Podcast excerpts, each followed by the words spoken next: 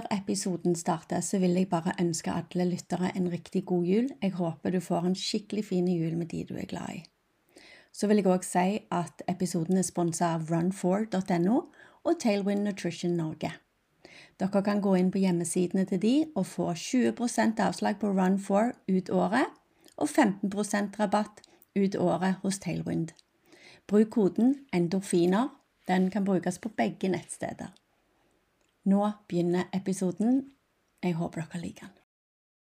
Velkommen til Jakte endorfiner. I dag har jeg med meg eh, ja, jeg vil nesten kalt han en VG pluss-kjendis akkurat nå. Eh, det er Anders Schellen, eller Schellen, eller hvordan. Jeg kan ikke snakke svensk. Eh, han er egentlig født der, da. Men så han vokst opp på Rykken i Bærum og bor utenfor Oslo nå. Han er 43 år, og han liker å løpe. Og han har løpt og trent og gått på langrenn, og han har sykla eh, og vært eh, aktive. Eh, og så hadde han en periode hvor han ikke trente så mye, det skal vi komme eh, til. Men nå må jeg jo slutte å snakke og si velkommen til deg, Anders. Tusen takk, tusen takk. Dette blir spennende å høre din reise, fordi at eh, du var aktiv, og så var du inaktiv, og så har du blitt aktiv igjen. Ja, jeg tror det som, eh, jeg tror mange, det som overrasker meg, er hvor mange som kjenner seg igjen i akkurat den historien. Og eh, etter at eh, ja, VG fanget opp, fanget opp historien, så har det vært veldig mange som har kontaktet meg og spurt og lurt og vil grave da, litt i ja, hvordan reisen har vært og hva jeg har gjort og osv. Det syns jeg er kjempegøy. For hvis man kan inspirere bare én eller to til å bare leve, eller trene litt og føle seg litt bedre og få den energien hvert jeg får av trening, da, så tenker jeg det er eh, Da er det verdt å svare på masse spørsmål. Så takk for invitasjonen. Dette gleder jeg meg til. Ja, så bra. Jeg vet i alle fall hvis min mann eh, hører denne episoden, så vil han kjenne seg igjen. Det kan vi trygt si. Men du, eh, du flytta til Norge når du var fem år. Eh, hadde du allerede begynt med en eller annen aktivitet i Sverige når du gikk i barnehage der?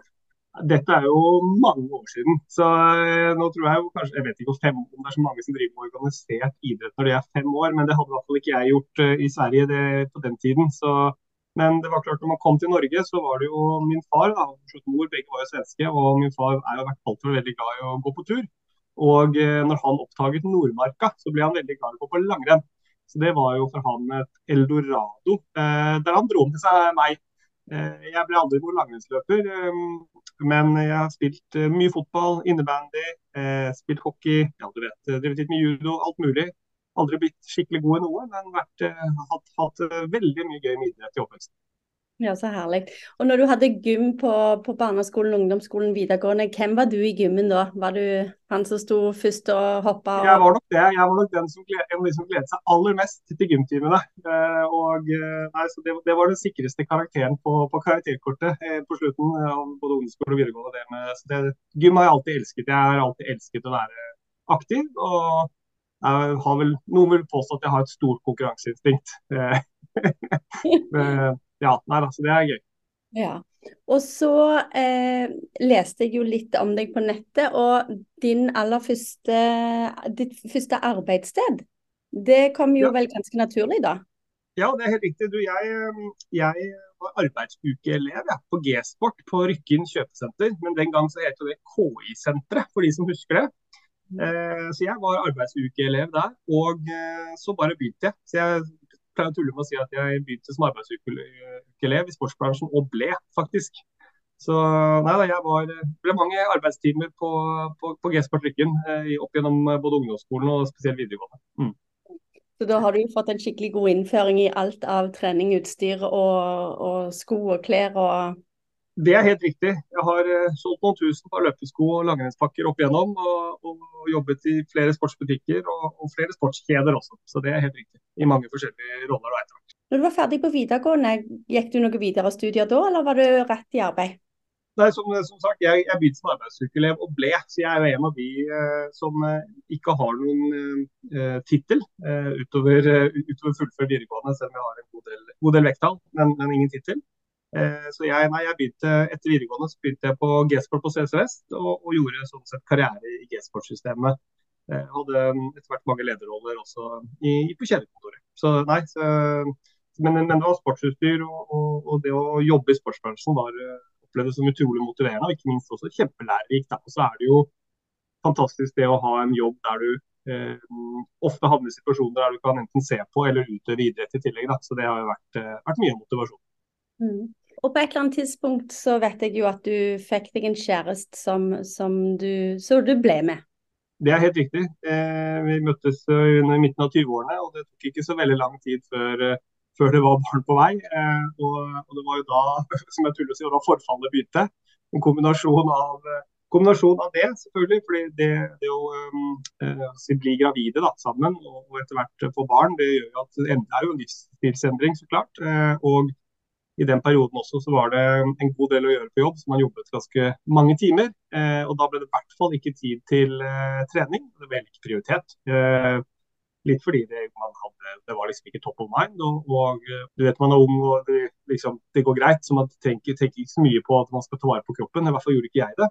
Eh, og så har jeg, har jeg en kone som er utstyrt med en helt utrolig forbrenning. Hun er sånn som eh, gikk opp 10 kilo under graviditet og gikk ned 12 når hun hadde født. Jeg gikk også ti kilo under graviditet, men jeg gikk eh, ikke ned ti kilo når hun fødte, for å si det sånn. så de ble, og, og, og, fortsatte å akkumulere seg utover. Så det var, eh, nei, og det, ja. så det var det som var, det var det som skjedde. Men det er jo ja. Men har, dere har to barn sammen? Helt riktig, ja. Og hvor mange år er det imellom disse? Vi er det tre år imellom. så Førstemann kom i januar 2007, og andre kom i januar 2010. Da. Så de begynner å bli store, de også, nå, 13 og 16. Så det, ja, det er noen ja. år siden. Så da når hun, eh, eller dere ble gravide på nytt igjen, så hadde du ikke starta med noe trening? Da var ja, Da var jeg faktisk i gang. Fordi um, det, var jo, det, var jo, vinteren 2009, eh, faktisk. Eh, når jeg da ble 29 eh, og så at nå er det ett år til du er 30, Anders. Og eh, du kan ikke gå inn i 30-åra med den fysikken eller den formen du var jeg var i da. det var litt sånn Jeg hadde hatt en aha-opplevelse faktisk høsten i forkant. Jeg var på tur med en del kompiser oppe i fjellet.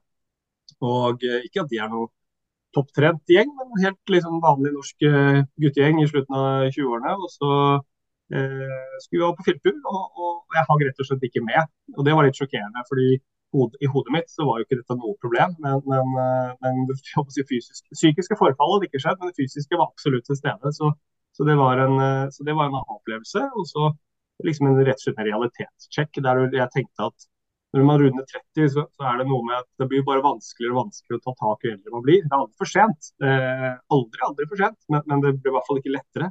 Så det ble litt sånn wake-up call for meg. egentlig altså at Jeg tenkte jeg kunne ikke gå inn i 30-årene og, og, og veie interessesikkerhet for min del. da. Eh, nå har aldri vekten vært veldig styrende. Det er aldri noe jeg har levd etter. Jeg veier meg aldri. Men, eh, men, det er mer eh, det gikk mer på den fysiske kapasiteten min, da, rett og slett. Og, og, og, hva jeg liksom kunne få til å gjøre. Og så tenkte jeg søren, nå får jeg snart eller Vi har ett barn, vi skal jo ha et par til etter hvert. Hvordan skal jeg liksom henge med. Eh, hvordan skal jeg orke gå på turer, gjøre alt jeg har lyst til å gjøre med dem? da?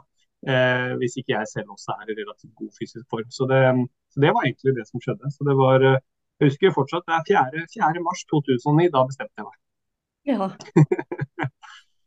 ja det, som, det som jeg erfarte etter jeg fikk mitt andre barn i, i 2009, var, for han var en ja, det, Han er bånn gass. Han er en uh, Duracell-kanin. Mm. Uh, vært helt siden han lærte å gå når han var ti måneder. Ja. Eh, og jeg bare tenker at hvis ikke jeg kunne vært kjapp i reaksjonene når mm. han fikk sjansen til å være ute på to bein alene, uansett hvor det var, om det var på vei til bilen eller inn i en butikk eller eh, Ja.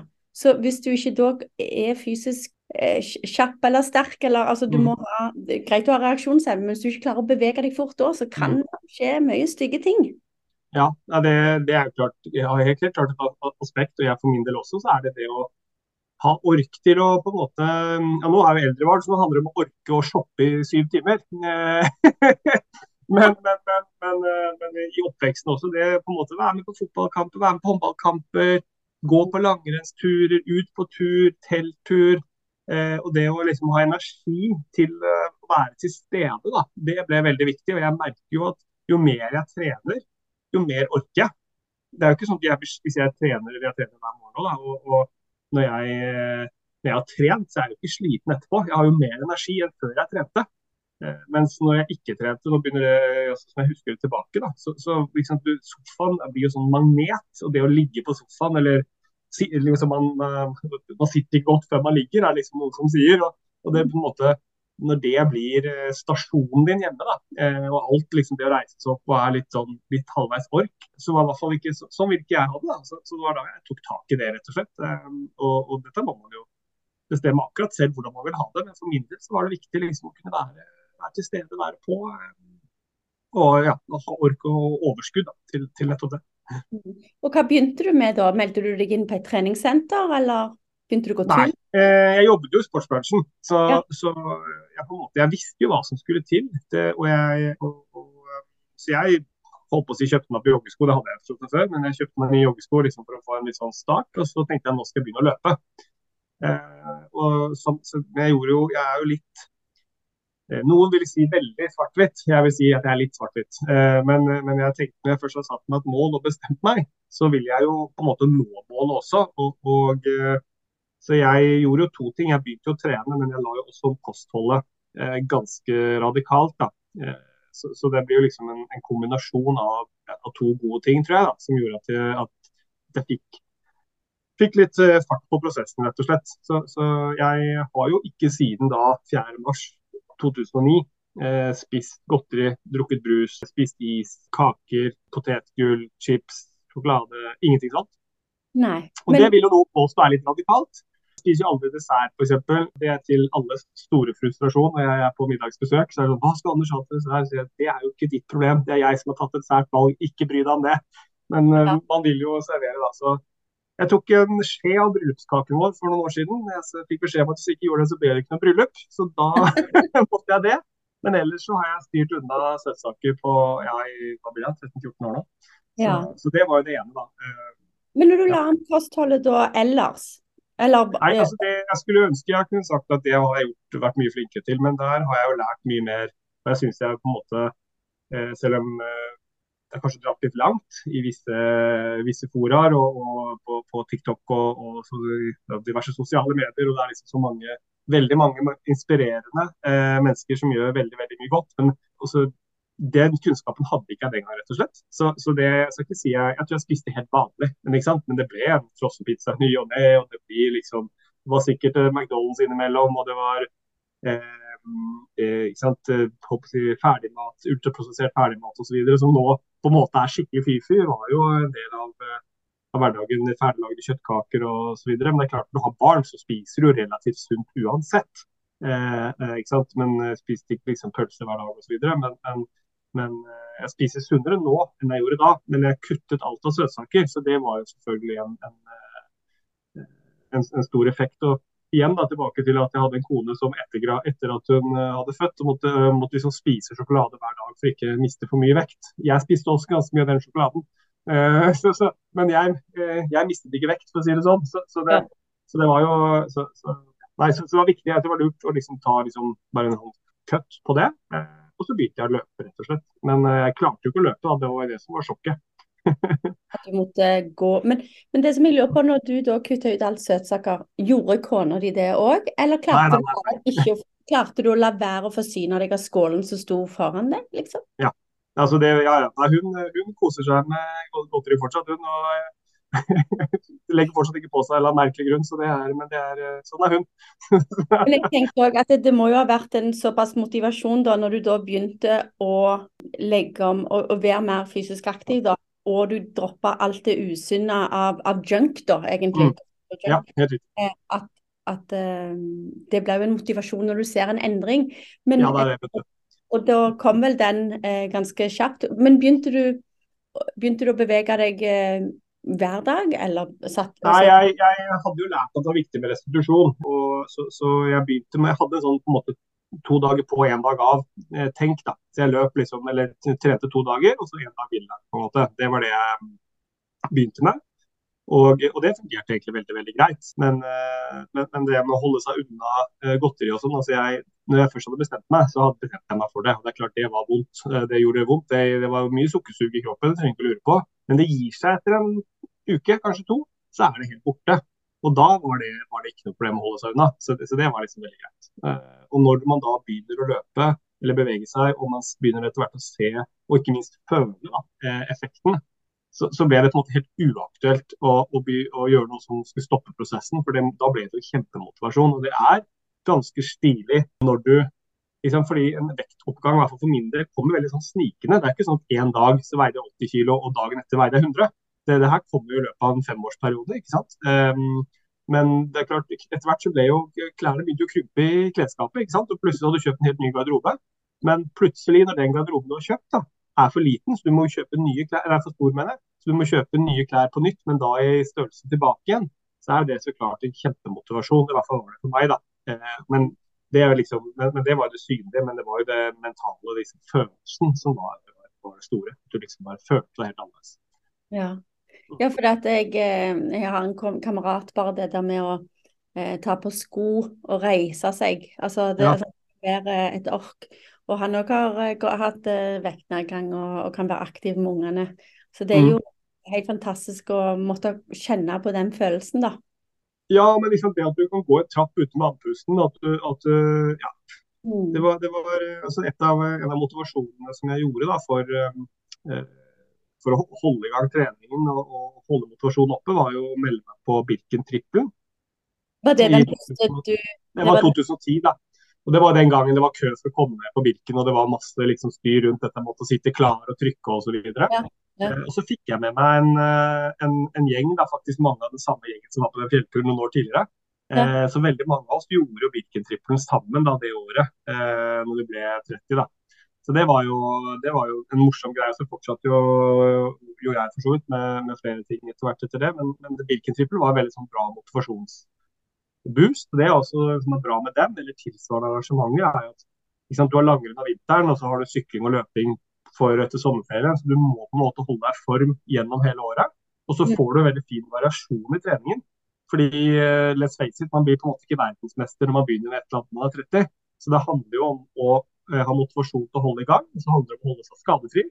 Eh, og da tror jeg, liksom, i hvert fall for min del, er det dette med både at det er altså variert idrett, for det blir jo forskjellige belastninger, men også det mentale. At, at, når du gjør forskjellige ting, du gjør det du på en måte syns er litt gøy, da, så blir man ikke lei. Så hvis jeg bare hadde løpt, så hadde jeg blitt, blitt kjempelei. Så ja, som vi snakket om her litt innledningsvis, eller før vi startet, så dette med langrenn som er en stor, viktig sak for meg, der jeg er veldig for sånn enormt sånn mentalt påfyll. Sånn batteri, bare, jeg bare kjenner batteriet fylles når jeg går oppe langrennsløypene på ja, hytte på Lygna, eh, og der er det helt fantastisk. og, og ja, det, er, det, er, noe av det beste jeg vet. Bare gå mil etter mil etter mil, og gjerne alene. Det er helt, helt magisk.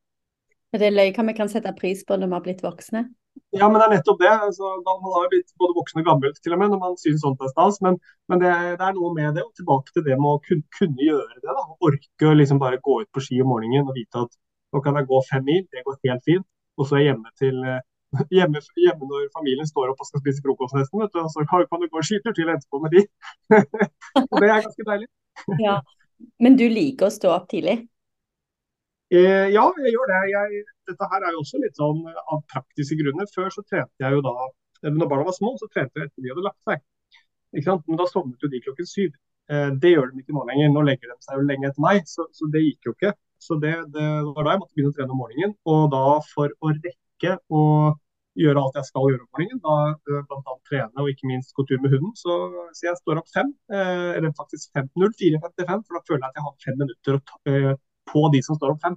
Så, så 04.55 står jeg opp, og så er det en time, kvarter kanskje, halvannen times trening og litt tur med bikkja sånn før jeg da på jobb før opp. Men det som du sier, der med å stå opp tidlig og få det gjort, og, og til og med gå tur med, med hunden før du går på jobb, er jo gjerne det mange ikke prioriterer å få, få skvist inn på morgenen, når de gjerne mm. sier at jeg har ikke tid. Mm. Jeg trener sjelden tidlig på morgenen, jeg gjør det en gang iblant. Og da, etter jeg er ferdig på jobb, så har jeg jo glemt ut at jeg har vært og trent. Så det er jo mm. ganske deilig, men da blir jeg litt sånn rastløs på kvelden. Eh, hva skal jeg gjøre nå?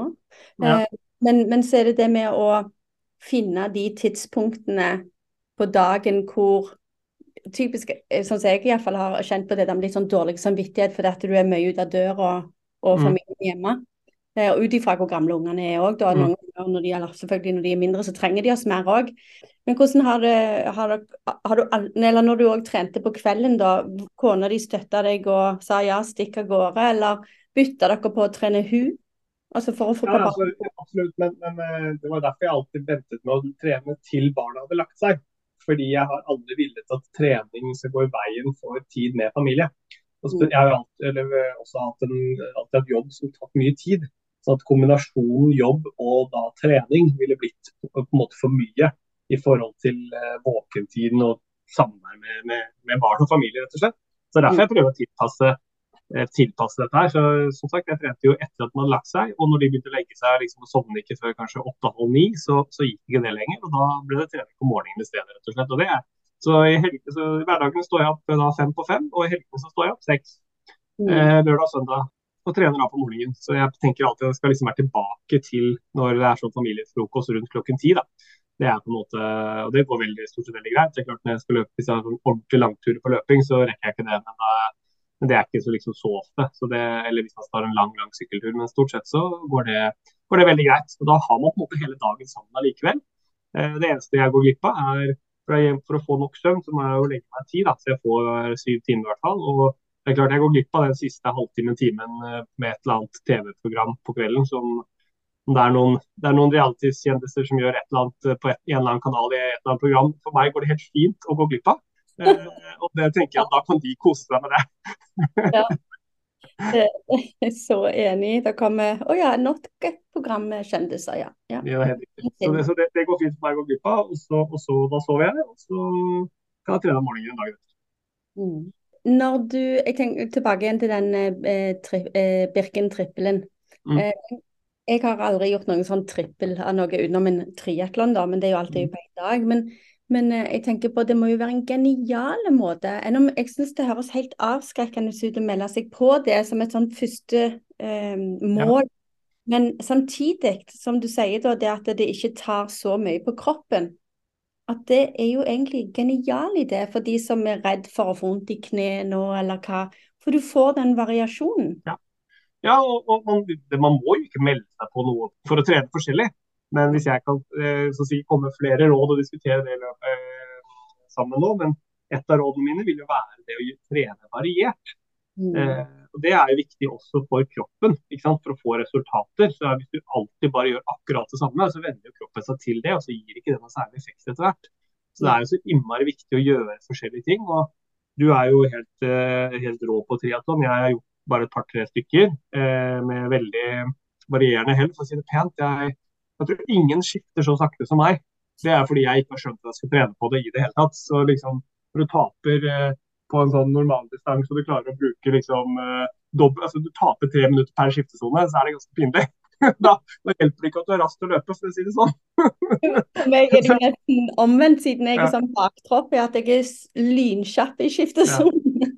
Nei, men i hvert fall, så, så det, å, det, å, det å finne forskjellige aktiviteter man trives med. ikke sant? Jeg har Helt frem til pandemien så var jeg medlem av treningsstudio. Trente inne én eller to dager i uken. Jeg syntes det var kjempeålreit. eh, å løfte vekter og ikke noe sånn liksom, for å kalle det bygge kropp, men, men, men for å jeg tror det er veldig viktig for å drive, unngå skader og gjøre en del styrkeøvelser og, og få litt sånn grunnstyrke, spesielt mye kjernemuskulatur og, og, og liksom rygg og, og, og så videre, tror jeg er veldig, veldig smart. Så det jeg jo, gjorde jeg mye av. Og så klart når pandemien kom og alt stengte ned, så bygde jeg opp et sånt midi treningsstudio hjemme. Så da, da fungerer det veldig bra. Og så kan nå har vi bra treningsbruk på jobben også, så det, det funker. Mm. Men jeg tror det er en jeg tror det er liksom viktig. Jeg, jeg gjør litt styrke, jeg løper litt, og så liksom det gjør jeg på en måte hele året. Og så eh, går jeg på masse på langrenn om vinteren, og så sykler jeg om sommeren. på en måte. Det er min variasjon. Og så svømmer jeg innimellom, for, for det syns jeg er litt sånn eh, gøy å gjøre eh, noen ganger. eh, For, for å få litt avveksling. Ja, ikke sant. Ja, nei, det er, Mm. det er ganske herlig å kunne gjøre litt varierte ting. Og så Mm. at tida gå så mye fortere, for det var noe du gjerne ikke har gjort på noen to uker, eller om du bare gjør det én gang i uka eller Men gang. det er nettopp det. ikke sant? Og det, det er liksom, det er alltid, Nå fikk jeg tatt frem skiene forrige helg, og de, liksom, de turene der de var jo først helt fantastiske. Jeg skulle, og magiske forhold. Kan bare anbefale alle til å komme seg litt opp i høyden. så er Det jo altså det er jo som det er midt, midt i februar. vet du. Det er jo helt, helt eh, fantastiske langrennsnivå, faktisk. Samme som å finne frem sykkelen om våren. Den første sykkelturen er jo helt, helt vanvittig deilig. fordi du Du har ikke gjort det på så lenge, da. Men jeg er jo ikke sånn som sitter på rulla inn om vinteren. Det føles liksom unaturlig for meg. Men skulle jeg trent mot et triatlon, så hadde jeg gjort det. Men siden jeg ikke gjør det, så, så gidder jeg ikke det, liksom. Da gjør, heller, da gjør jeg ting som jeg vil, jeg vil helst trene ute altså, hvis jeg kan. Mm. Uansett vær, egentlig. Mm. Ja. Eh, du, eh, hva var din første maraton, for jeg vet jo at du har løpt noen? Det var, eh, det var faktisk i Berlin. Det var min første av alle steder. Så Det var da jeg fikk litt tenning på disse, gjør disse seks majorsene, da, de seks store. Så da gjorde jeg Berlin. Det var en fantastisk opplevelse. Da var jeg i ganske god form og hadde trent bra. Så da tror jeg løp på jeg tror 3.18 jeg kom inn på da. Og var jo kjempefornøyd med det. Jeg syns det var en superopplevelse. Det er jo kjempebra, herligheten. Ja, Berlin var min første av de seks majors òg. Mm. Eh, men så nå kom jeg jo på at jeg glemte å spørre eh, deg med helt i starten på løpinga, når du da ikke klarte å løpe. Ja. Hvordan var den følelsen? Altså, Gikk du ut for å løpe når du hadde kjøpt disse? Ja, jeg, jeg trodde I hodet mitt så var jeg jo toppform. Eh, kanskje ikke toppform, men i hvert fall ikke spesielt dårlig form. Det, det var jo en en, eh, en veldig sånn, spesiell opplevelse. Jeg tok ta på seg løpeskoene ut for å jogge. Ja. Og du setter av gårde i et tempo For jeg hadde jo ingen følelse av hva som var et normalt joggetempo heller. Så jeg starta nok litt hardt i tillegg. da. Men det er klart at det går liksom 300 meter, og så må du stoppe og hive etter pusten og bare hva skjedde nå? Så det er klart det var en ordentlig aha-opplevelse. Men det var da, da, skjønte jeg at dette her var på høy tid å, å ta tak i dette her. Så, Men Fortsatte du da, eller gikk du hjem? Nei, nei, da, ja, nei, da fortsatte jeg. fordi det som jeg, I tillegg til å gjøre den dramatiske endringen på hva jeg spiste, da, så visste, bestemte jeg meg for at skal jeg få til dette her, så skal ingen treningsøkter vare kortere enn en time. Oh, wow. og, eh, og, og, det tror jeg jo Kall det råd nummer to. Jeg tror mange lures litt av. Litt sånn korte, typiske sånne timer på, på treningssenteret som liksom løpetimer på en halvtime. Mm. Jeg, jeg, sier ikke at det er, det er selvfølgelig veldig mye bedre enn ikke noe.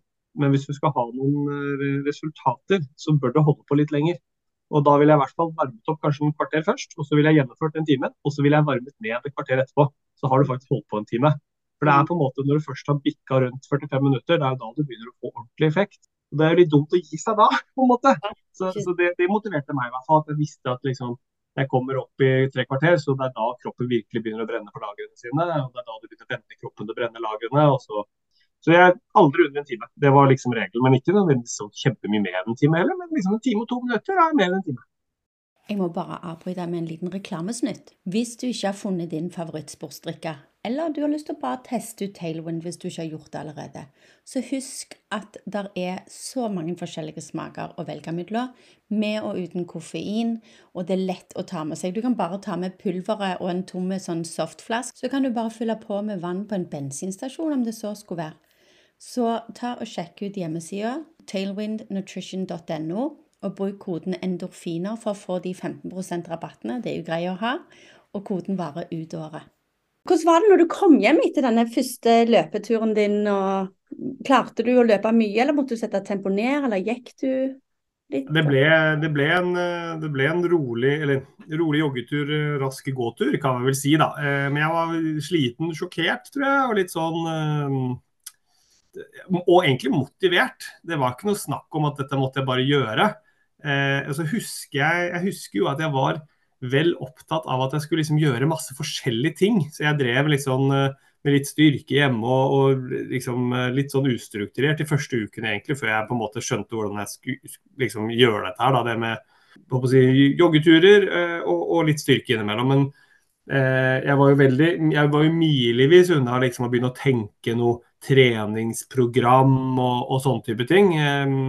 Og igjen, da hadde jeg jo liksom gjort litt research og sånn, så kunne jeg sikkert lagt opp dette mye mer strukturert. Og, men, men, det gjorde jeg ikke. Det var på en måte litt sånn på lykke og fromme. Men med det utgangspunktet så kom resultatene uansett ganske fort, fordi det var på en måte så lite Eller eh, utgangspunktet var så dårlig at, at resultatene kom. og jeg, jeg, jeg, jeg, glemmer jo aldri liksom, den første gangen jeg klarte å jogge en time.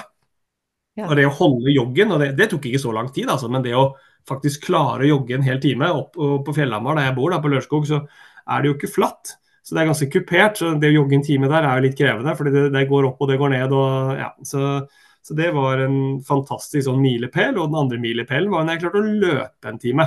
For det er jo ganske stor forskjell. ikke sant? Og, og det var, husker jeg, det var sånn frihetsfølelse. Det at du faktisk liksom bare kunne løpe.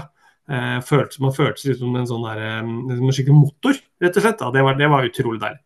Ja, men tror, tror du ikke òg at det med å ikke gi seg etter en sånn når du testa det første gangen, enn om du mm. før du fikk barn eh, og var aktiv i ungdommen og i oppveksten og det hele, så er det jo noen som tenker at faen, dette er ikke for meg. Ja, Jo, helt, helt garantert. Og, og, det er Jeg kan liksom ikke si annet enn at medaljen på en måte eh, For det første kommer den ganske fort. Eller premien, om du vil. da. Eh, og, og, det andre er at den er så utrolig fantastisk. og at det liksom det jeg ofte ser, at, noen, at man liksom lurer, lurer, litt seg selv. da. Man trener ikke så hardt som man egentlig skulle, man gjør ikke helt det man egentlig skulle. Da lurer man jo bare seg selv og oppnår ikke de eventuelle målene man har satt seg. Og, og, For min del i hvert fall så er det sånn at den følelsen trening gir av det å være i god form, det er, det er eh, nesten ubeskrivelig. Det er det, er, det gir meg ekstremt mye. da. Så jeg tror, eh, så, så, det er vel det jeg kan si. at Som motivasjon så må man bare tenke at jeg må gjennom dette i begynnelsen. Det er tøft i begynnelsen, men det går ganske fort. altså. Så du, er du der at alternativet er ikke aktuelt. Det å ikke liksom ut og bevege seg når du har en treningsdag. Da. Det å prøve å finne en unnskyldning at det er litt kaldt, det er litt vått, det er litt mørkt. Det hadde vært, det var et eller annet på TV, eller man skulle jo et eller annet. Eh, altså jeg, jeg, rydder plass til trening i kalenderen hver dag, jeg, nå, og det er selv Jeg er jo litt eh, gal, selvfølgelig, så jeg, når man skal ut og fly, kanskje fly går klokken syv da, fra Gardermoen, da står jeg jo opp kvart på fire jeg, og trener. Så jeg trener jo om morgenen da òg. Eh, ja. Men da sover jeg på flyet. ikke sant? Så det er på en måte, Da får jeg ikke jobbet på flyet, da, men da sover jeg på flyet. Nå har jeg vært, eh, akkurat nå har jeg kommet hjem fra en tur opp i Midt-Norge og Nord-Norge, og litt kaos med vær og det har blåst litt. så det ble ikke helt som planlagt, men da ble det ikke sant? Jeg har jo med meg treningstøy i håndbagasjen og trener på hotellet. og liksom, Det er ikke noe, på en måte noen unnskyldninger du, fordi jeg vet at det, det, det er så god følelse, da. Eh, og alternativet er ikke aktuelt.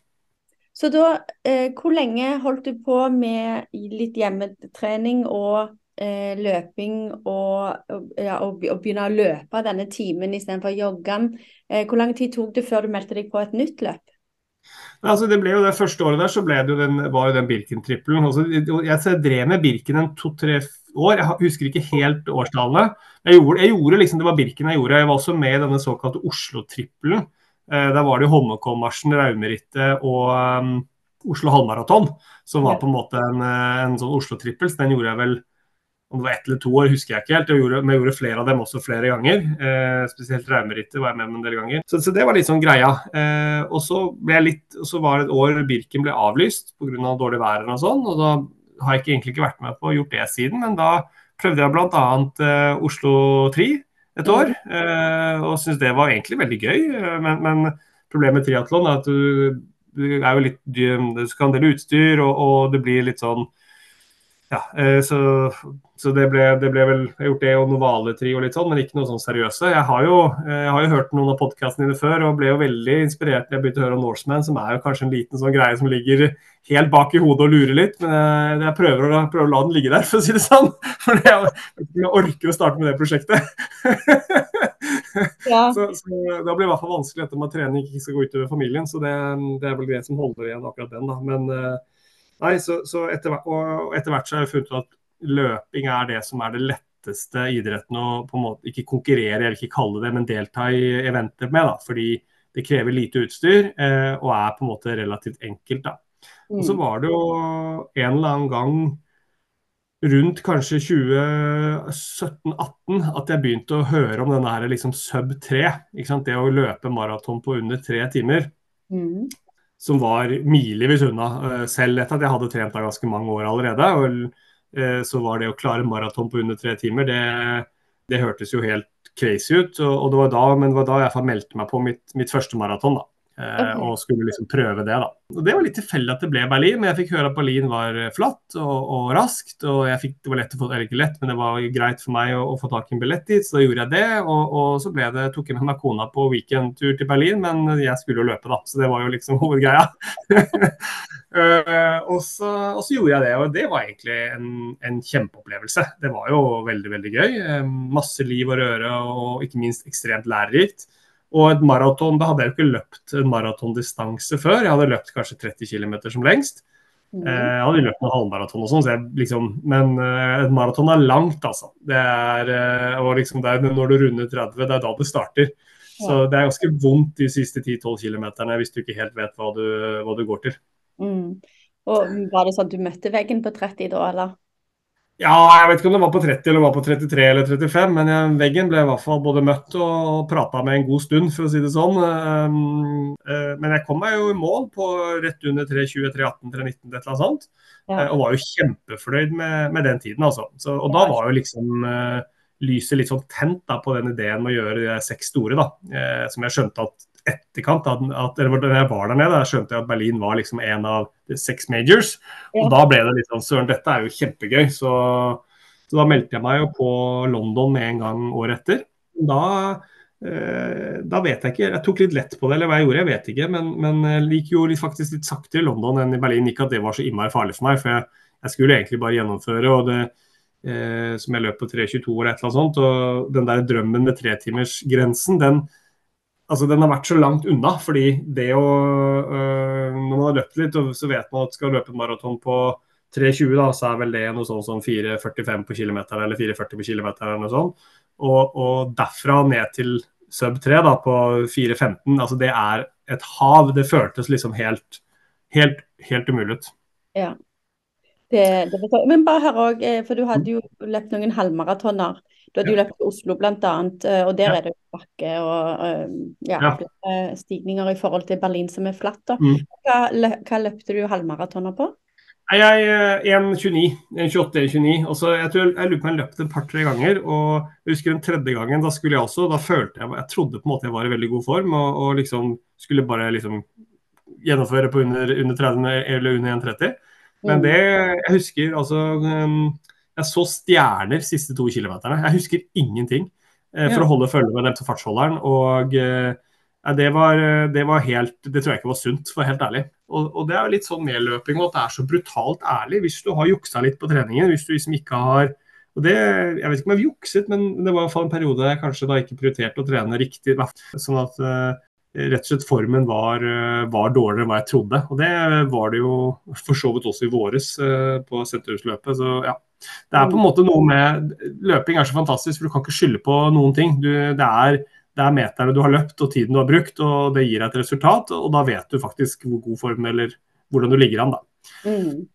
Ja, og så er det òg veldig løypa, da. For hvis at den første maratonen din hadde vært Oslo, f.eks. Ja, det er klart. Det er, det er helt klart. Det, og, men også i hverdagen så, så, er jo ikke jeg eh, så veldig opptatt av på en måte tider og prestasjoner, men, men når jeg konkurrerer mot meg selv, så er jeg det. Jeg mm. er jo en sånn eh, hvis noen har vært, jeg synes det, Et godt eksempel er hvis noen har vært på en tur, så spør jeg aldri liksom, hvor langt gikk du, hvor fort gikk du, hvor, eh, hvor høyt gikk du. Men spørsmålene er jo hvordan var turen? Eh, hvordan var det, Fikk du en utsikt, eller hvordan var opplevelsen? Eh, mm. hvor var det du gikk hen? Eh, og, og, på en måte det, det å dele liksom den, den siden av det å være ute, er mye mm. viktigere enn en hvor langt og hvor fort og hvor høyt. da. Ja. Eh, så det er, det, det er, noe jeg, som jeg prøver å ha fokus på, rett og slett. Da. For det blir, det blir litt, litt, for ofte litt for mye en sånn hvem har gjort hva fortest, raskest, høyest. Og, og, det er ikke alltid det som er motiverende, spesielt ikke for de som skal komme i gang, for da føles det så innmari langt unna. Mm. Så, så, selv om mange nå på en måte spør meg Anders, hvordan klarte du å komme deg under tre timer, eh, og egentlig på ganske kort tid fra å være i én form til å bli i vesentlig bedre form. Så, og Det er gøy, det hvis det er motivasjonen for mange til liksom å ta det steget. Men når man snakker om å motivere eh, sånne som jeg var i 20, 2009, da, det å komme seg opp av sofamotivasjonen og liksom bare komme i gang, så er det, synes jeg det er veldig viktig å snakke om treningsgleden og følelsen av å holde seg i form, følelsen av å være i form, å ha det overskuddet. At det er det som er motivasjonen og ikke mm. tider eller vekt eller hva det skulle være. jeg tror ikke det er så sunt. Det, men det kan jo man jo sikkert andre motsi meg som kan mye mer enn meg om dette her. Men, men jeg opplever i hvert fall sånn at, at, det er viktigere å, å snakke, om, snakke, om, det, da. Ja, for det er det jeg føler med hele podkasten. Eh, og det, Nå vet jo ikke jeg om jeg hadde vært, hatt de samme tankene og følelser rundt det hele hvis jeg hadde vært en rask løper, men i og med at jeg er en baktropp. Og mm. at jeg eh, ser den store forskjellen mellom de som har gått for en pers og har kjørt seg helt ut. Um, selvfølgelig, de òg er jo glad i mål. Mm. Men jeg har en helt annen opplevelse av uh, løpene jeg har vært på. Bare når folk snakker om treningsøkter de har tatt som de da i bunn og grunn ikke liker. Men ja, de det... gjennom. Men vet du hva, jeg gjør, jeg gjør Jeg tror ikke jeg har noen treningsøkter jeg ikke liker. Altså, jeg, klart Intervall, vi skal snakke litt om det litt senere. Og, ja. og det er klart de er de vondeste, åpenbart. Men vet du hva, nei, jeg gjør ingen, jeg gjør ingen treningsøkter jeg ikke liker. og det fordi trening for meg er på en måte noe jeg liker. Hvis det hadde vært sånn at jeg måtte på en trening jeg ikke likte, så hadde jeg gjort en annen treningsøkt. Rett og slett. Ja. Det, det, er fordi jeg skal ikke bli verdensmester. Det er på en måte for seint. Så det, er, det, det, må være, det må være en viss glede. Det er jo det er klart Når det er eh, minus den der pluss én og sludd, så er det kanskje liksom ikke innmari kos, men allikevel, det er noe med det òg. Altså, for det er ikke så mange andre ute da. så, så, så, så det, er, eh, det, er, mye glede i det. og jeg var jeg var jo så heldig å få lov til å være fartsholder på vintermaraton oppe på Jessheim her for et par uker siden. Ja. Det, var, hva, det er den beste maratonen jeg noensinne har løpt. Fantastisk gøy. Jeg var fartsholder på 3.45-gruppen, og, og, det var altså skikkelig hyggelig å snakke med masse treningsentusiaster eh, som skulle ut og løpe. Og for min del da å være, løpe tempo der jeg har masse overskudd, så jeg kunne prate og motivere og prøve å holde i gang. og bare fokus på å holde liksom en jevnt tempo hele tiden. Det var utrolig motiverende. Og så mye blide folk som liksom skulle, som ga alt. og, og og virkelig liksom pusha seg. og det, det, var eh, bare utrolig gøy å se. altså. Så det, det skal jeg gjøre igjen. Farts, fartsholder, det var skikkelig moro. jeg meldte meg jo på hytteplanmila i dag, eh, ja. men jeg har sendt i eh, en e-post utenom for å si at jeg har lyst å være fartsholder i baktroppen. Ja, eh, kult. For det, det gir så mye de gangene jeg har fått en pers. Ikke at jeg har klart å holde fartsholder helt inn, men, men, eh, men, bare de gangene du klarer det, og det å kunne være en del av en gruppe som kan være med å motivere. Mm. Ja, det, det, det, er bare Det var skikkelig gøy. Jeg spurte meg en gang nå, Kan jeg gjøre dette neste år òg? Dette var supermorsomt. Ja. Så uh, håper de tar meg imot. For det, det, var, uh, det skal jeg spørre om i andre løp også. For det var, det var rett og slett uh, det var, av, det var, deilig å starte et løp og ikke føle noe press, eget pålagt press heller. At man bare skulle liksom kose seg. Så ja. det, var, det, var, det, var, kjempegøy, altså. Var det mange som nådde liksom, målene sine da? Jeg, spurte, jeg snakka egentlig ikke så mye, og jeg, prøvde, jeg var, jeg, var, mer opptatt av at de skulle få en god reise og komme inn sammen med meg. Så, og det var jo en, en, en gjeng som gjorde. Eller løpet fra meg på slutten, da. det var jo meningen at de skulle under da, den tiden jeg kom ja. inn på. Jeg, ja. skal ærlig innrømme at jeg bomma på den tiden med ett minutt. Jeg kom på 3.44, da. Det var ikke så, men jeg syns det var jevnt, eh, godt nok med løpet på klokka hele veien. Det var ikke sånn ja. helt enkelt å styre tiden. nei, nei, nei, det, men det, det, er ikke galt det, altså. Herlighet. Ja, men så gøy, da. Mm. Ja. Eh, men eh, du tenker å ta flere majors?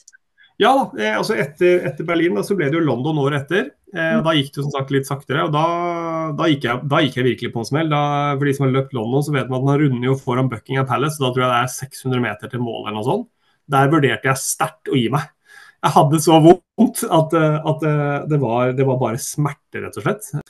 Så det var, det var, kan jeg ikke anbefale. Apropos det å gå i kjelleren. Var, da var jeg i kjelleren. Men jeg klarte å karre meg mål, og, så, og da var det gjort. Og så var jeg påmeldt til New York i 2020.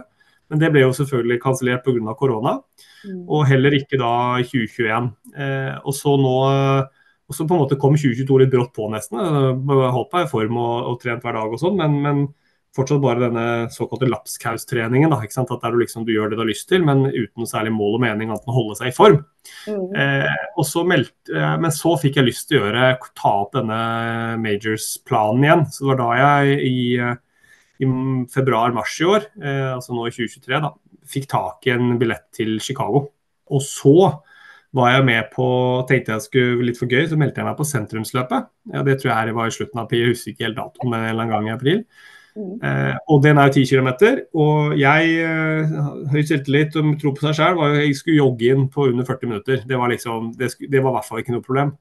Det var det jo, eh, åpenbart. Så jeg kom inn på 41 minutter, og da tenkte jeg bare nå, Anders, du kan ikke reise til Chicago om fem og en halv måned, eller hva det var, da, fem måneder, og liksom øh, ikke løpe bra, da. Eh, det var bare det jeg orka. Det ble for stort prosjekt. Reise av gårde alene eh, til Chicago i fem dager og så løpe dårlig, det, det, gikk ikke. Så det var da jeg bestemte meg. For det var da du hadde den sub 3 i hodet? Det var da jeg, ja, den, altså, Sub 3 hadde, har ligget sånn uh, har ligget latent i bakhodet mitt i kanskje tre, fire, fem år, og liksom drømmen om å klare under tre. Men jeg har aldri liksom jeg, jeg, vet jo at jeg kan ta meg nakken, ref det jeg gjorde i 2009. Men jeg mm. har likevel aldri liksom tatt det steget. Og jeg har også lurt litt på om jeg hadde det rett og slett innabords. da. Men så snakket jeg med en, en god venn av meg, og uh, for så vidt en, uh, en jeg jobber med, da, uh, som, som, har en løpekarriere fra sin ungdom. Han er noen år eldre enn meg, så, men han vet hva som skulle til. Og han ba meg egentlig bare skjerpe deg, Anders. Du vet jo hva som skal til. Du trener nok timer, du bare trener feil. Så come on, gjør det riktige. Og da, Det var helt i begynnelsen av mai, sånn 2.-3. mai i år. Det var egentlig ganske nøyaktig fem måneder til jeg eh, skulle løpe i Chicago. Og da bare bestemte jeg meg, liksom på en måte litt sånn for andre gang i livet, holdt jeg på å si. At eh, nå, nå, nå endrer jeg treningsstrukturen min og, og la om treningen. Ja. Og fikk jo og Det som er så irriterende med det Jeg må bare si at jeg er jo ingen treningsekspert. Ingen jeg verken tror det eller ingen må tro at jeg er det. Det jeg derimot endelig har gjort, er å lytte til ekspertene. Det er det som er så pinlig. At Hadde jeg bare gjort det alle har sagt at du skal gjøre eh, hele tiden, så hadde jeg jo vært i mye bedre form enn hva jeg i hvert fall var da. da. Mm. Eh, men det var jo helt morsomt hvor god og rask kroppen responderte på det. Men jeg tror også det har mye med at jeg da har trent tross alt hver dag i mange år. Så kroppen min tåler mye trening, både, mm. både fysisk og, og, langt. sånn at jeg var ikke noe redd for noen skader eller noe sånt. Eh, når jeg la an treningen, eh, og, og, og, fokuserte da mer på, liksom på løpingen. Men, eh, og det er jo selvfølgelig viktig, at, at, kroppen tåler, rett og slett. Men når du sier at du trente hver dag, fortell hva du mm. pleide å gjøre. Altså jeg, jeg, pleide å stå opp som da sagt, klokken fem og løpe to dager, og den tredje dagen styrke. Ja. rett Og slett. Og løpingen min var jo da stort sett den samme runden de to gangene. Kanskje litt variert, men altså, kanskje ikke akkurat samme runden, men mer eller mindre samme runden. Og i hvert fall i samme tempo. Sone tre, sone fire. Eller liksom litt høy sone tre. Du blir sliten. For å løpe saktere enn det er jo bortkasta, for du blir jo ikke sliten. Å løpe fortere enn det gjorde jo vondt. Det ga det i hvert fall ikke. Så det, er liksom, så det er på en måte Det var litt sånn det ble. Og, og, og så trente jeg styrke, styrke liksom den tredje dagen, på en måte. da. Og Det var jo ofte kjernemuskulatur og sånn, som en slags kall det løperestitusjonsdag. da. Og som sagt, da var jeg 41 minutter på 10 km. Det var liksom formen min. Og jeg tipper skulle løpt halvmaraton da, så hadde jeg sikkert løpt på 1,35 eller 1,33 eller noe sånt. da. Mm. Eh, og sikkert 1,325 eller noe sånt på maraton hvis jeg liksom hadde testa meg da, da. Uten mm. at jeg gjorde det. Eh, ja. men, men, det jeg fikk beskjed om, var jo, var jo egentlig gjør det du vet som skal til. Du skal løpe lange turer i sone 2 og så skal du løpe knallharde intervalløkter. Skjerp deg, liksom. Kom igjen med det. Så det var det jeg gjorde. Eh, så det ble liksom fire løpeturer i, i uken og tre egentlig styrkeøkter da, som var fokus på kjernemuskulatur og, eh, og litt sånn løpemuskulatur, liksom benøvelser. Men Var det typisk da at eh, mandagen tok du en rolig langtur, dag to ved intervaller? Mm. Jeg tok, mandag var mandag var eh, Da hadde jeg en sånn eh, mellom 12 og 15 km runde, litt avhengig av hvor god tid jeg hadde den dagen, i sone 2. Og det var jo fryktelig kjedelig, bare så det er sagt. Sone 2 er sakte, altså. Det er, ja. eh, og så kjørte jeg da en Eller om det var tirsdagen ofte, da. tirsdag og onsdag ble liksom løpedagene. Og da tok jeg en ofte da bak, bakkeintervall, den, den, den midt, midtukeintervallen. Da. Og den um, bakkeintervall, hvorfor, hvorfor, bakkeintervall? Det er fordi det, det trener eh, leggmuskulatur og liksom sete eh, ekstra. Du får ganske sånn godt løpesteg av det, syns i hvert fall jeg. da. Det er sikkert noen eksperter som kan si noe enda smartere, men for min del så var bakkeintervall veldig enkelt. Ganske bratt bakke. Jeg har en perfekt bakke utenfor som går liksom, eh, som er bare, bare brattere og brattere, liksom stegvis oppover. Eh, og, og, den liksom full guffe i fire minutter. Og da, da var det full guffe også sånn på kanten til oppkast på topp, liksom. Altså virkelig sånn altså hardt, altså. Langt opp i sone fire og fem på en måte på klokken. Og du liksom du, du, ligger og du presser fullt ut, og så pause, og så ny, nytt drag på en måte fire ganger. Og så den andre da de, de to andre løpeøkene, da en langtur til, men den var alltid mye lenger. Så den var aldri Og det skal sies, da. Fra mai til Chicago så løper jeg minimum 21 km tur en gang i uken. Så den var, og, og flere, flere, fulle maratoner. Og Det er nok noen som vil si at du ikke skal løpe liksom full maraton for det sliter sånn på kroppen osv. Meget mulig, men det gjorde jeg. Eh, også fordi kroppen tålte det men også fordi jeg var helt sikker på jeg må få inn liksom, meterne, jeg må få inn lengden. Jeg må lære kroppen min å, å ta til seg, eller på en måte utnytte energilagrene, og ikke minst ta til seg energi. Jeg har alltid vært, hatt problemer med magen mens jeg løper. Fått litt sånn runners løpemage. Jeg fant en løsning på det. Og, og det hjalp meg veldig mye også, selvfølgelig. da, Til å også klare å ta til meg næring, rett og slett. Eh, så det gjorde jeg liksom, altså Lørdag eller søndag ble da en langtur som var minimum en halvmaraton. Eh, og jeg tror jeg hadde tre på en måte 42 km. Men kan, jo, for de som bor på Lørenskog, kan jeg bare si det å løpe fra Lørenskog og ut til Telenor Arena på Fornebu og så tilbake til Oslo S, det er 42 km. For de som lurte. Det er også 42 km fra Fjellhamar stasjon til Asker stasjon. Oh, ja. men jeg kan bare si at Asker, eh, for de som tror at Asker ligger langs vannet og liksom på null meter, det gjør det ikke. Det ligger på sånn 250 meter, så det var en litt sånn litt sånn kjip avslutning på det maratonet. ja, den men, men, Sandvika til Asker, den er overraskende. Det er flott, for å si det sånn. ja. Ja, men, men, det oppdaget jeg da. Jeg var jo egentlig kjent òg, men jeg hadde bare glemt hvor bakkete det var. Det var så lenge siden jeg hadde Jeg har jo ikke liksom bare kjørt der, aldri liksom løpt. Så nei, men, så, så, det er klart. Det var det. Og den andre intervalløkten, da, den var Da kjørte jeg 1000 meter. 8000 meter med, i full, full fart. Altså det på som man da kan kalle altså race pace minus 15 sekunder. Så altså liksom det, Du må løpe da maraton Hvis du så under tre, da, så må du løpe på 4.15. 4 minutter og 15 sekunder per km. Og da løper jeg de altså race pace minus 15, så altså 4 minutter da, eh, maks. Eh, og helst kanskje 3.55 da på, på kilometeren. Mm. Eh, og det var um, eh, og det er i sånn småkupert løype, ikke flatt, men litt sånn småkupert. Eh, det er liksom rundt i nabolaget her, så er det ikke veldig bakkete, men det er ikke helt flatt. da. Så det var, eh, Og noen ganger så løper jeg kanskje la jeg sammen to og to, så ble liksom, det ble fire drag av to kilometer. Da, eh, for å få litt forskjell. Men for å få litt sånn farts, fart i fartsfølelsen og, og liksom litt sånn trøkk i steget. Og det morsomme var jo hvordan kroppen responderte på dette her. altså Allerede etter to uker så gikk jo sone 2-turene mine vesentlig fortere. Jeg merket nesten med en gang hvor mye raskere jeg klarte å bevege meg i sone 2. Eh, og det var nesten litt sånn aha-opplevelse. Så den siste fullmaratonen jeg løp i sone 2, tror jeg jeg løp på 3.14 eller noe sånt. Eh, og det var liksom bare Jeg skjønte ikke hva som hadde skjedd når jeg kom tilbake. Jeg, det hadde, men da, var, da, hadde jeg en sånn superdag. Men det var bare en, eh, det var en helt utrolig eh, følelse. Og det var en treningstur, en langtur? Ja, en langtur. Eh, en eller gang her tidlig i august. Og, så, og, så, og, da var da jeg meldte meg på Drammen halvmaraton. For da tenkte jeg nå, nå må jeg teste, nå har jeg lyst til å teste formen litt ordentlig. Mm. Eh, og når jeg da løp i Drammen halvmaraton da, det var det tror jeg midten av august, så det er ganske nøyaktig fire måneder etter at jeg hadde løpt sentrumsløpet på 41 minutter, så løper jeg jo Drammen halvmaraton på 1,22.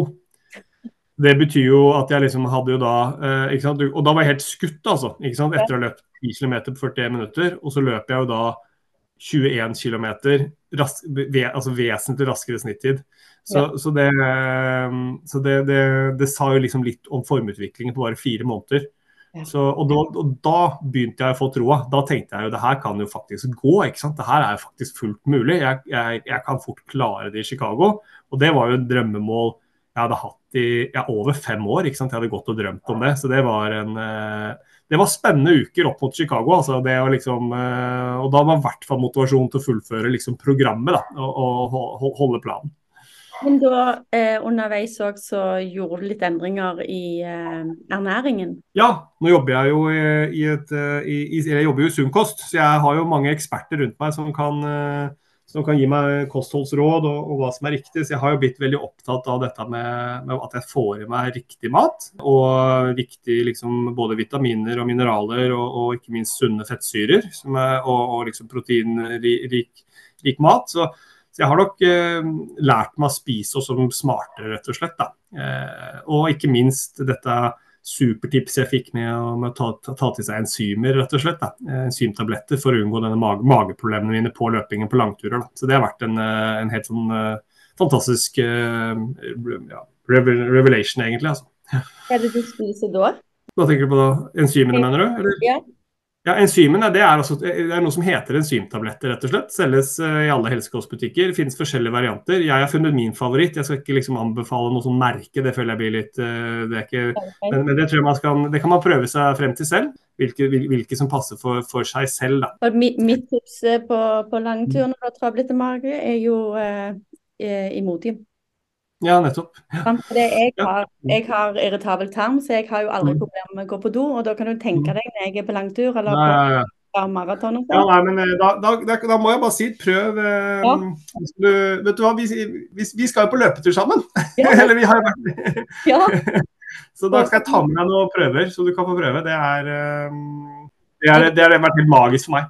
Så, jeg vet ikke alene når det gjelder det med magetrøbbel på, mm. på... Nei, altså, Det kan jeg virkelig anbefale til alle røpere. Prøve enzymer. Vi, og det finnes det mange forskjellige varianter. Jeg, jeg, bruker det som heter enzymedica, men det er mange, mange varianter her. Og, og, finn det som fungerer for din mage.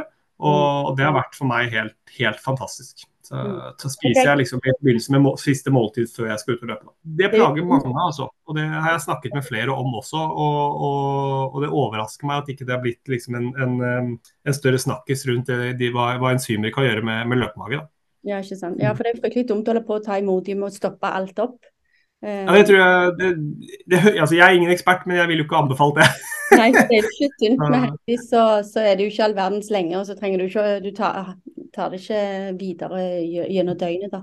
Men nøtter har jo vært eh, Det har også vært en sånn eh, hvis jeg, eh, En god nøttemiks med liksom med cashewnøtter og mandler, valnøtter osv. Det er jo utrolig sunt for kroppen og en fin, veldig, veldig fin energikilde og enkelt å spise.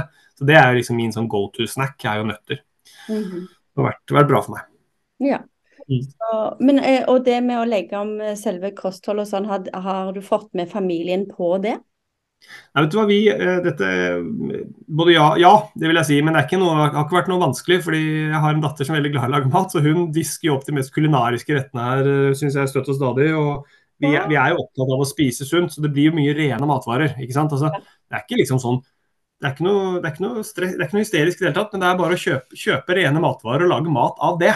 Og mm. ikke liksom eh, Nå er det mye snakk om ultraprosessert. Eh, vi spiser selvfølgelig litt ultraprosessert vi òg, men, men, ikke så ofte. altså. Det er på en måte, det er noe bare å holde seg unna det. Det, er, det, det var en, en, kollega som sa til meg du, at Anders, du må bare kjøpe matvarer som du ikke egentlig trenger labeling på.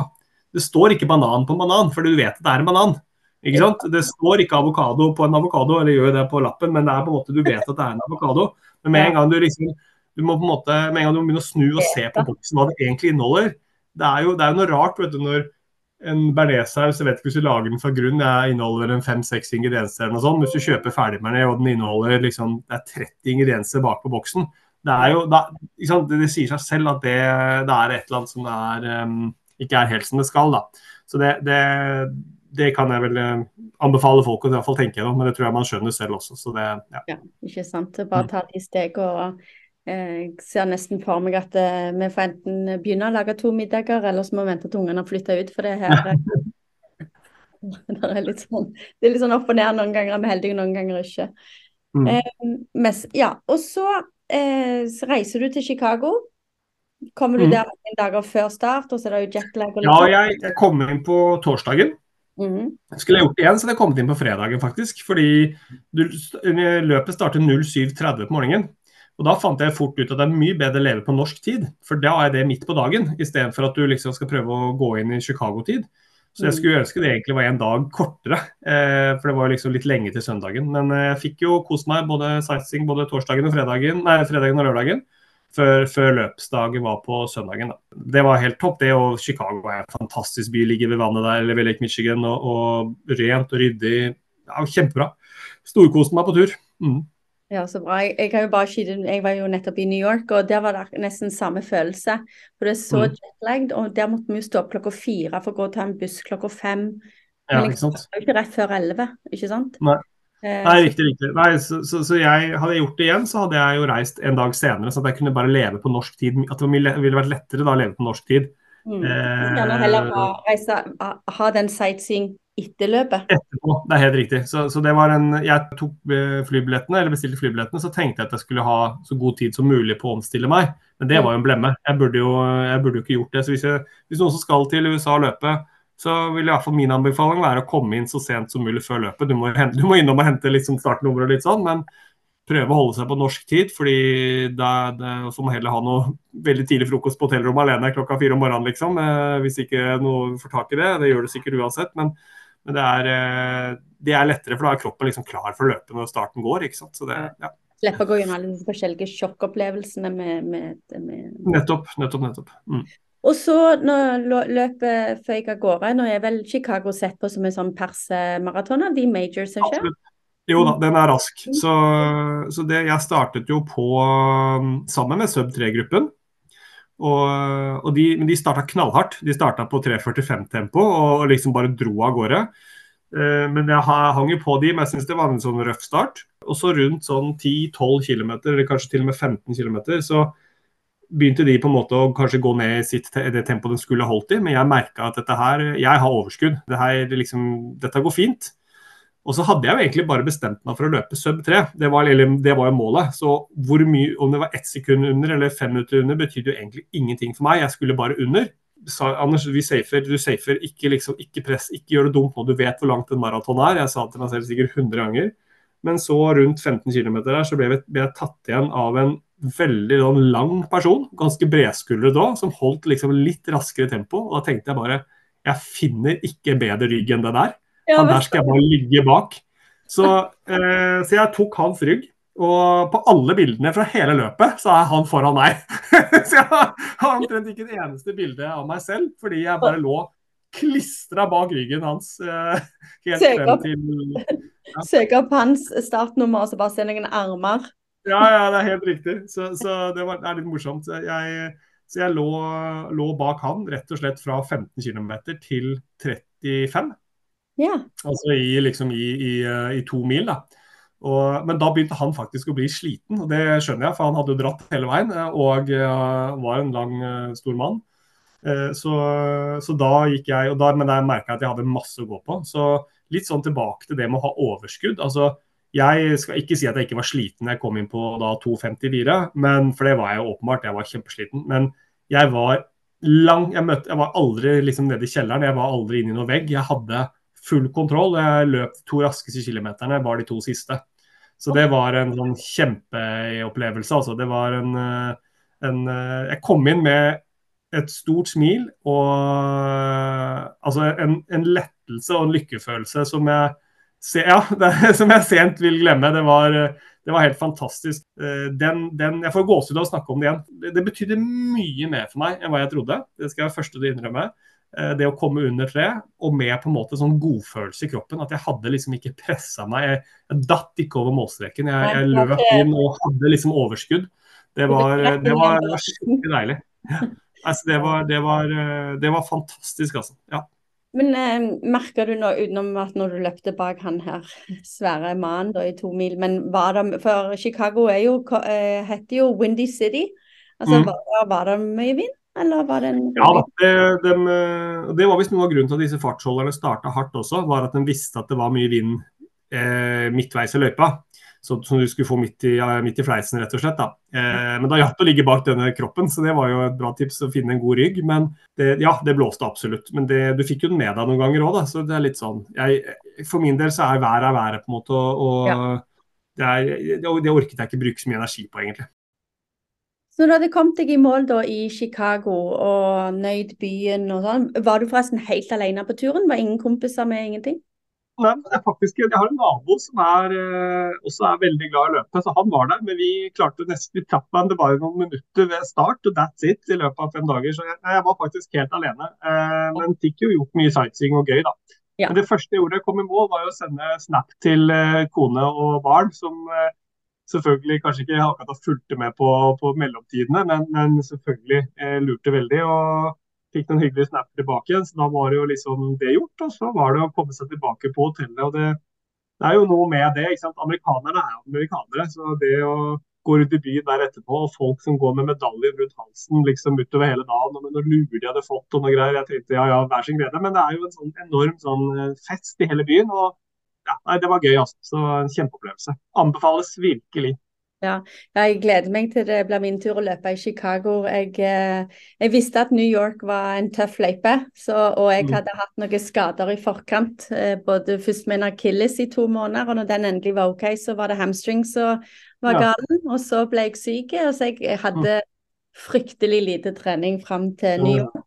Men. Eh, jeg visste jo hva jeg gikk til, så mm. jeg gikk og løpte om hverandre, nesten litt sånn som din aller første løpetur. Ja, eh, og tok 120 bilder. Ja, såpass. en spesial langtur på en søndag. Altså, jeg snakket med amerikanere, jeg hilste på små unger, jeg tok high five med folk. Fordi ja. at jeg ville ikke utsette turen til at jeg var i bedre form.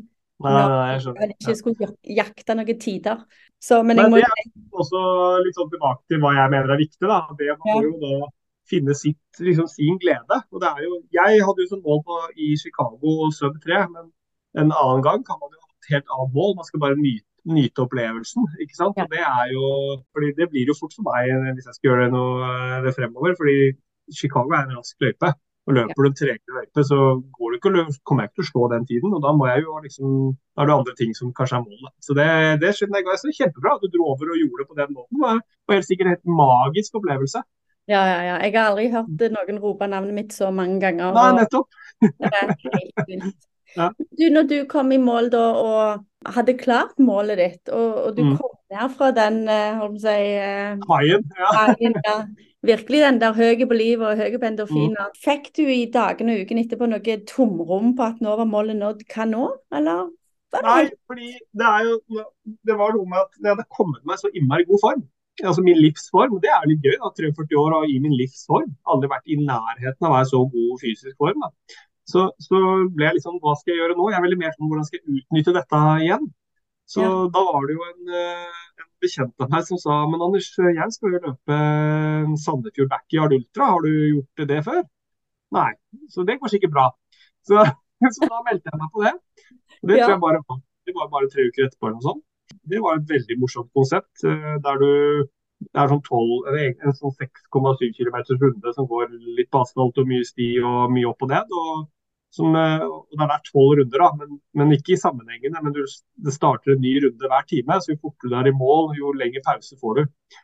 Eh, og Da tenkte jeg bare Jeg, jeg har aldri løpt så langt før, så det, jeg, var, det var kjempegøy å prøve. Og så gikk jo det for så vidt over all forventning. Jeg tror jeg kom inn på 15 sjette beste herretid, som er og for sjette totalt. Har slått av en utrolig sterk dame som jeg tror vant Norseman i år. Så hun, det var helt greit å bli grusa av henne. Det jeg var bare, skulle, bare mangle.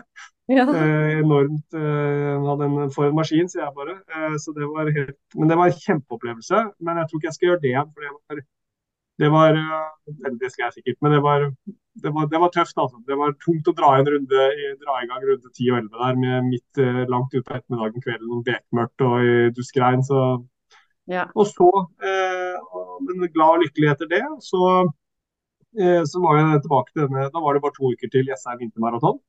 Da angrer jeg litt på det, da, at jeg hadde løpt 80 km og tatt meg helt ut. Eh, for jeg var jo ikke restituert når jeg skulle starte på denne fartsholderprosjektet. Men siden det var på en måte på en tid jeg har kontroll på, så gikk jo det helt fint. Det var jo en, en kjempeopplevelse.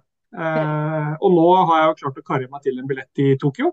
Så det gleder jeg meg jo helt uh, vanvittig til. Uh, det er bare fire måneder til. Så da, da, er det bare å kjøre på gjennom vinteren her nå. Holde seg i form ja. til, til, Tokyo. Herlig. Så det gleder jeg meg.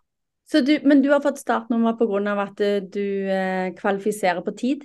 Er det sånn du har fått? Nei, nei det skal være så ærlig at jeg har vært fra å ha vært i sportsbransjen hele mitt liv, så har jeg, har jeg et nettverk. Så det var en, rett og slett en person som, eh, med tilgjengelige sponsorbilletter som jeg fikk kjøpt til en eh, virkelig ikke noe, ikke noe subsidiert pris, for å si det pent. Det en, eh, men sånn er det. det er, nå har jeg i hvert fall fått tak i billetten, og det er veldig stas. Og da skal jeg til Tokyo i begynnelsen av mars, og det gleder jeg meg skikkelig til. Det blir en kjempeopplevelse. Og nok en gang alene, da. Men hvis det er noen ja. som skal til Tokyo, eh, som, som, også, som ja, også er Viggo alene og venneløs på tur, så er det bare å si ifra. Ja. møter jeg og tar en, jeg møter felles løpevenner fra Norge. Det er kjempegøy. Ja, ja, det er alltid morsomt å, å treffe andre folk eh, i, som liker å gjøre det samme som oss. Vi kommer til å legge link til Instagrammen din i bunnen av episodeforklaringen, og det legger jeg òg ut på sosiale medier når jeg eh, forteller hvem som er ukens gjest og sånt. Ja. Da får man ta kontakt hvis det er noen som skal til Tokyo, for det er jo gøy å være, møte, møte, noen nordmenn og prate litt norsk. Så det er, det å, å, dele litt erfaringer og mm. forberede seg sammen. Så det er hyggelig. Ja, det der, der er, går jo aldri tom for ting å prate om. Det er sånn, disse, Nei. jeg er sikker på at uh, disse podkastene kunne sikkert vært både tre og fire timer uh, mm. uten problem hver gang. Så det, det, det, det der å holde seg til tida og, og, huske å gå og legge seg, holdt jeg på å si. Mm. Det er mye kjekkere å holde på med dette enn det jeg trodde det ville bli, for det gir meg så fryktelig mye. For nå merker jo jeg at jeg tenker OK, jeg har jo vært en lapskausløper eh, helt fram til i fjor. Mm. Det var i fjor, jo. Og så når jeg tok eh, terskeltest hos Ingrid, så begynte jeg å heller løpe i stedet. Jeg løpte jo på følelse, men òg fulgte litt med på puls. Mm. Og merka stor forandring. Mm. Ja, men det er det, det er det, man gjør, vet du. Og det, det, er, altså det er helt utrolig hvordan kroppen responderte på den, eh, på den treningen, og hvor fort jeg nå kan løpe i sone to. Det mm. er ganske fascinerende, faktisk. Så det, ja. Ja, for jeg merker det spesielt på restitusjonen og det der å ikke ha tunge bein til neste økt. Mm. Nettopp. Ja. Så, så det, men nå når du får, har fortalt om din, så gjerne Det skal jo sies at eh, det, det er jo viktig å påpeke at altså, jeg, jeg, løper jo da på sub 3, som, som, eh, for meg er en kjempe liksom, achievement. Men, men, det er jo nordmenn som reiser av gårde til eh, ja, New York og løper på 2,40 osv. Og, så og det er klart at det er jo igjen en helt ny verden som, som er milevis unna det nivået jeg holder på med òg. Så det er jo på en måte Og det er det som er litt fascinerende, hvor mange som er i fantastisk god form. og de som, er utrente og snakker med meg, syns jeg har, er kjempegod form. Men jeg snakker om de som løper maraton på 2,40, så vet jeg at de er, det er et helt annet nivå enn det Sture jeg driver med. Og det er det som er litt gøy. Men uh, sånn er det. Man må på en måte Jeg tenker for min del så, så er liksom så er under tre timer er, er en enorm oppnåelse som jeg er kjempestolt over, og det holder for meg. Og så kan andre få lov til å knuse det igjen, og det er, er jeg superimponert over. men ja. Uh, ikke for meg. det som er så, så kjekt at, uh, i, at, vi kan glede oss på vegne av andre. Det er mm. sjelden du treffer på holdt på en idiot som ikke gjør det. Nettopp. det, det, det, det, er bare sånn at vi er sammen om dette, og alle bare elsker å gjøre den sporten. og det er jo derfor Jeg sier ikke at alle skal begynne å løpe. Det er ikke det, Enn om jeg har fryktelig mange løpegjester i poden. Men det er, som du sa, en enkel sport. Ikke ta på deg gamle joggesko hvis du skal ut og springe for første gang, men, altså, for det, da kan du få vondter og, og skader. Mm. Men det der med å kjenne på denne gode følelsen du får når du har blitt glad i å løpe. Mm. Og du treffer andre folk, om det er bare på et lokalt arrangement eller om det faktisk er på et løp, og du ser herligheten som mange andre som elsker å gjøre dette. Nettopp. Og så er det bare glede. Ja, ja, ba bare. Du sa noe interessant dette med løpesko. der har jeg, For dette med å unngå skader har vært liksom nøkkelen min. Jeg røk akillesen for mange år siden. Det er ti år siden eller noe sånt. Det, det gjorde da jeg spilte fotball, altså med en sånn variasjons idrett. Jeg var nok litt, hadde nok anstrengt akilles litt mye på noen sykkelgreier. og så rett røk den. Det var jo, kan ikke anbefales, hvis jeg kan si det sånn. Både litt vondt, og i tillegg så får du ikke trent på tolv uker. Så, det var jo dumt. Men, men det er en, en, en, virkelig god anbefaling til sko, det er å ha flere forskjellige sko. Eh, ikke, eh, fordi en, en løpesko varer x antall kilometer uansett. La oss si den varer 100 mil, eller kanskje 150 mil, kanskje 200 mil. Litt avhengig av hva slags underlag, hvor tung du er og hvordan steg du har. Og så Hvis du går en, en ordentlig sportsbutikk, så vil de måle foten din og anbefale en eller annen variant av sko om pronasjon, ikke pronasjon osv. Men min sterke anbefaling er rett og slett å ha sko som er lagd for forskjellig type, som gir deg forskjellig type støtte. Eh, så jeg, jeg pronerer, men jeg har både pronasjonssko og en nøytralsko. Og for så vidt en lettvektsko som jeg varierer med mellom forskjellige økter. Fordi det som skjer når du bruker forskjellige eller sko som gir forskjellig støtte, er at du får forskjellig belastning på ankel, knær, hofte, rygg osv. Og, så og på en måte alle senere muskulaturen. Sånn at eh, du rett og slett unngår slitasjeskader i større grad. Så, eh, og så kan man si ja, men det, koste, det å kjøpe to løpesko blir jo åpenbart dobbelt så dyrt. og Det er helt riktig, men du bytter dem ikke ut. Eh, du bytter dem dobbelt så sjelden. Sånn at mm. kostnaden over tid er den samme. Så det, det, vil jeg virkelig anbefale. Å kjøpe, eller rett og slett variere mellom forskjellige typer sko. Da. Eh, og veldig mange sier at jeg får så vondt i knærne av å løpe på asfalt at jeg må løpe mye i skogen. Det, men jeg løper nesten bare asfalt. Selv om jeg skulle sikkert løpt litt mer på sti. Eh, for det hadde sikkert vært det er bra liksom, for koordinasjon og det å på en måte, fokusere med hodet osv. Men, eh, men jeg løper nesten eh, bare asfalt, for slipper jeg tenke så mye. Så jeg kan høre på podkast mens jeg løper, og, så, og, og liksom bare la tankene fly.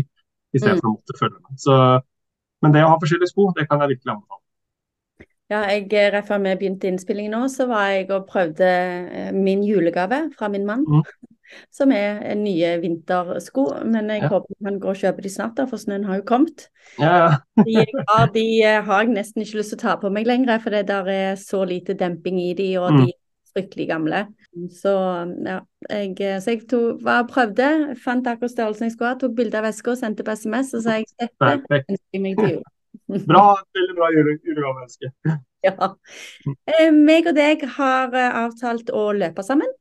Ja, det gleder jeg meg til. Ta en, en tur i helgen, og da får vi se hvor, eh, hvordan det går. Jeg skal prøve å ikke bli revet med, og så får du prøve å holde rolig tempo. Eh, det skal vi klare. ja, du løper jo dobbelt så fort som meg. Men det gjør veldig mange, så det er jeg vant med. Tusen takk for at du ville være gjest i min podkast. Det har vært kjempegøy, morsomt og håper Hvis vi, har, hvis vi bare klarte å inspirere én, så har det vært verdt det. Ja. Det har vært uh, kjempegøy. Ja, jeg, eh, jeg, jo, jeg, følger jo med på hvor mange som lytter på hver episode, og jeg ser at 60 er damer, 40 er menn. Eh, de fleste i alder fra 45 til 59. Men allikevel, bare så lenge det er en person som begynner å trene, så kan alle de tallene bare være som de er. Helt enig. Helt enig. Ja. Men eh, det er kjempekjekt at folk eh, vil høre på. Jeg tror det er fordi de eh, enten vil komme i gang, eller fordi de elsker det de holder på med, og vil høre om, om andre folk som elsker det de holder på med. Så jeg mm. tror jeg bare blir reven med. Rett og slett. Tusen takk, og så får du ha en god kveld, og så ses vi med løpeskoene på. Det gjør vi. Vi ses. Gleder meg.